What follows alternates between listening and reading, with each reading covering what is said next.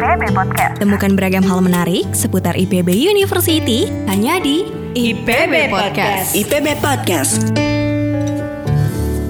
Assalamualaikum warahmatullahi wabarakatuh. Halo Sobat IPB IPB Podcast kali ini akan mengangkat tema terkait dengan pentingnya kesehatan mental bagi para dewasa muda. Nah mungkin teman-teman uh, Sobat IPB juga bertanya-tanya Sebenarnya dewasa muda itu rentang usianya berapa sih Dan kesehatan mental itu seperti apa untuk rentan usia dewasa muda. Nah kali ini IPB Podcast akan berbincang-bincang bersama Ibu Nurmala Katrina Panjaitan Salah satu tim konsuler dan dosen dari Fakultas Ekologi Manusia IPB University University. Halo Ibu. Halo. Apa kabar? Baik sekali. Oke, di, mungkin tadi saya sudah sempat menyebutkan terkait dengan kesehatan mental. Kita Betul. akan menyamakan persepsi dulu nih. Ya. Sebenarnya kesehatan mental itu apa sih, Bu? Baik, terima kasih Mbak Pipit. Kesehatan mental itu sebenarnya suatu kondisi seseorang di mana proses berpikirnya, proses merasanya dan kemudian proses berperilakunya itu sangat positif ya. Di mana dia menyadari potensi dirinya, dia juga bisa mengatasi menghadapi uh, stres atau tekanan dari lingkungannya dan dia dapat berperilaku positif memberikan kontribusi pada lingkungan sekelilingnya. Nah, itu dia orang yang sehat mental. Oke, lalu untuk rentan usia dewasa muda sendiri itu dari rentan usia berapa? Nah, sebenarnya yang dimaksud dewasa muda itu banyak ya definisi ya, tapi kalau saya sendiri melihat bahwa dewasa muda itu kita bisa kelompokkan mulai usia 20 tahun ya sampai Mm-hmm. 30 tahun begitu di mana orang itu sudah mulai bisa mengambil keputusan sendiri. Oke, lalu gangguan mental apa saja yang bisa terjadi di rentan usia antara 20 sampai 30 tahun ini? Oh banyak sekali ya, karena tadi kan saya pernah juga menjelaskan bahwa kesehatan mental itu kan tergantung pada juga eh, namanya kerentanan seseorang ya. Kerentanan seseorang itu bisa dimulai sejak dia dalam kandungan gitu, misalnya kondisi yang tidak sehat, terus kemudian ketika dia lahir pola pengasuhannya juga tidak bagus gitu ya, tambah tekanan-tekanan, jadi bisa saja berbagai masalah sudah muncul dari usia muda, misalnya dia sudah distress ya dari waktu muda, mulai ada anxiety disorder, mungkin juga dia sudah mengalami psikotik disorder seperti schizophrenia gitu ya. Mungkin juga pada masa-masa remaja ketika dia misalnya mulai bertubuh uh, agak besar terus dia cemas jadi gemuk terus ada eating disorder ya bulimi gitu. Kita udah mendengar ya seperti Iya, itu iya, ya. iya. jadi macam-macam bisa juga mood disorder ya yang dibilang bipolar gitu ya atau uh, apa orang depresi gitu. Macam-macam sih bisa uh, walaupun orang masih usia muda bisa kok bermacam-macam uh, apa namanya gangguan jiwaan kesehatan mental maksud saya. Oke, nah itu kan tadi kan gangguan apa saja yang bisa terjadi. Nah sekarang ciri-cirinya nih Bu, Hmm. ciri-cirinya apa sih ya, kalau misalnya seseorang itu memang sudah mengalami gangguan kesehatan mental? Karena kadang-kadang kita ngelihat orang itu fine-fine aja sebenarnya, Ya, tapi ternyata oh dia mengalami gangguan kesehatan Uh-uh, mental loh. Jadi betul, sebenarnya betul. ciri-cirinya apa aja Iya. sih? Mungkin pertama kita bisa lihat ya Mbak ya, apakah dia punya emosi yang stabil enggak? Misalnya dia hanya hal kecil dia sampai cepat tersinggung banget, Mm. cepat marah gitu ya. Terus kemudian dia mulai berpikir yang rasa-rasanya abnormal. Misalnya dia mulai eh, berpikir eh, bahwa dia itu di- dikejar oleh uh, binatang atau hantu atau apa ya. Dia mulai ada halusinasi, mulai ada delusi gitu ya. Dan kemudian tadi dia mulai ada eh, gangguan-gangguan berperilaku. Saya nggak bisa tidur, eh, berubah pola makannya, tidak mau makan gitu ya, dan mulai menarik diri, mengisolasi diri. Nah itu udah mulai tanda-tanda dari orang mengalami masalah kesehatan mental. Belum saya bilang belum bilang gangguan jiwa ya, baru kesehatan mental gitu, karena eh, udah beda lagi kalau namanya gangguan jiwa. Oke, lalu jadi itu kan banyak ya nih ya Bu, ciri-cirinya tuh banyak. Berarti mungkin kalau kita punya teman, saudara, atau mungkin orang-orang di sekitar yang memiliki ciri-ciri itu sebaiknya memang harus diperhatikan dan diberikan perhatian ya. Ya, pertama kita mulai eh, mungkin eh, melakukan pendekatan ya, menjalin hubungan kedekatan ya.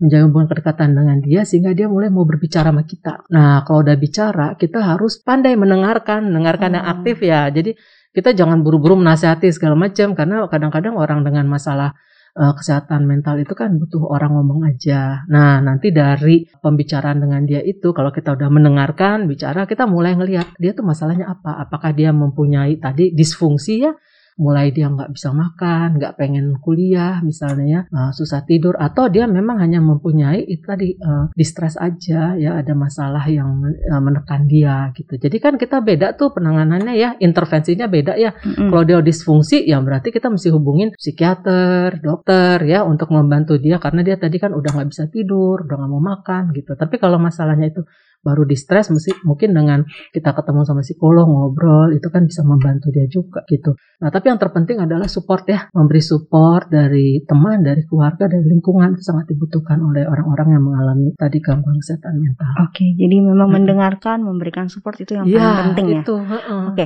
lalu nih katanya nih ya Bu, hmm. di Indonesia sendiri gangguan mental itu memang masih cukup tinggi katanya hmm. ya. Saya baca-baca dari jurnal hmm. itu. Hmm. Sebenarnya mungkin apa yang menjadi penyebab utama dewasa muda di Indonesia itu mengalami gangguan mental? Ya, penyebabnya macam-macam. Bisa juga kan karena kegagalan dalam pendidikan mungkin, dalam karir, atau dalam hubungan relationship dengan orang lain gitu. Atau juga mungkin kemiskinan ya.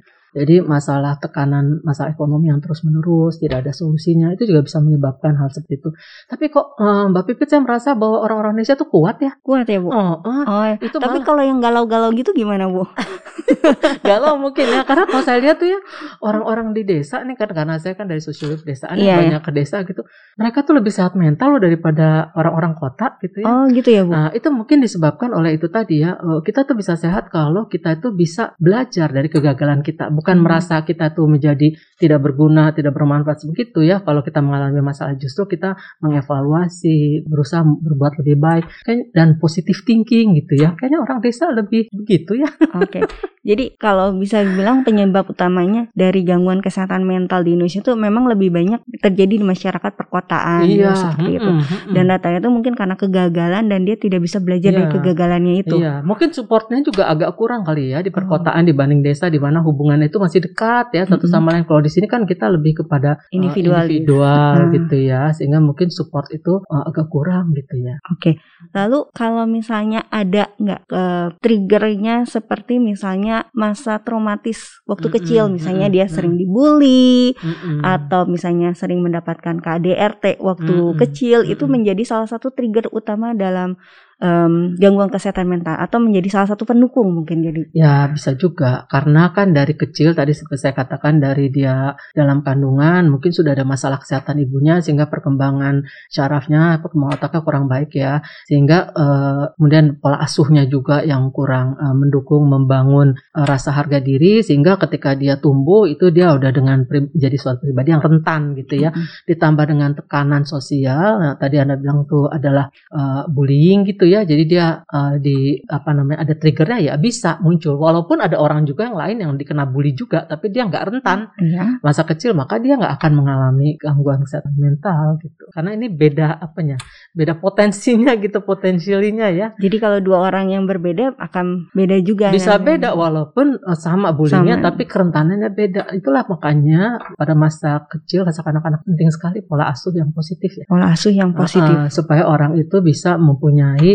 kepercayaan diri, ya mempunyai harga diri yang positif terhadap dirinya gitu. Sehingga ketika ada tekanan-tekanan seperti itu, dia lebih mudah menghadapinya. Oke, lalu bagaimana dengan peran keluarga sendiri Bu mm-hmm. untuk menghadapi gangguan kesehatan mental ini? Nah, peran keluarga tadi saya katakan kan support ya, tapi yeah. juga begini, kalau ada uh, anggota keluarga kita yang mengalami gangguan kesehatan mental, itu sebetulnya haruslah dibicarakan masalahnya bersama dengan keluarga ya dan kemudian juga support bersama keluarga lakukan kegiatan bersama misalnya beribadah bersama berrekreasi bersama terus kemudian uh, melakukan uh, apa uh, aktivitas aktivitas kreativitas bersama. Jadi si uh, anggota keluarga yang mengalami gangguan ini mendapat support seper, uh, sepenuhnya bukannya ditinggalin gitu. Mm-hmm. uh, uh, itu gitu kan. Uh, terus begitu uh, apa namanya uh, masalah yang ada itu kemudian uh, dibicarakan bersama bagaimana pengobatannya jadi artinya oh, keluarga itu berpartisipasi dalam mengatasi masalah gangguan kesehatan mental ini.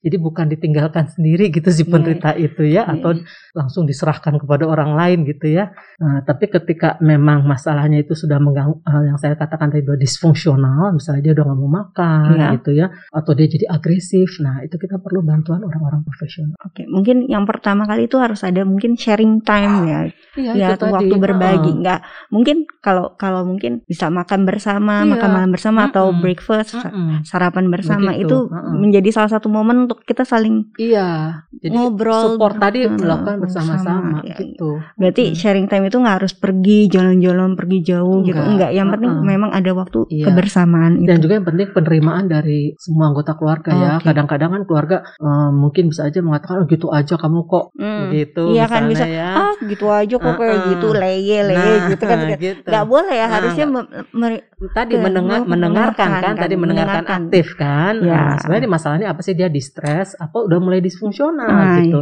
kalau dia masalah distres kita tanya kena- eh, kenapa. Kenapa? dan biarkan dia cerita kita jangan langsung ngejudge memberikan nasihat saya juga dulu gitu tapi saya begini Hmm, gitu kan biasanya kan gitu kan ngejudge langsung beda, ya, ah, gitu mendengarkan dulu sehingga tahu dengan benar ya duduk men- duduk masalahnya seperti apa Tuh, dan bagaimana si eh, penderita sendiri menghayati permasalahannya Ragam hal menarik seputar IPB University hanya di IPB Podcast. IPB Podcast.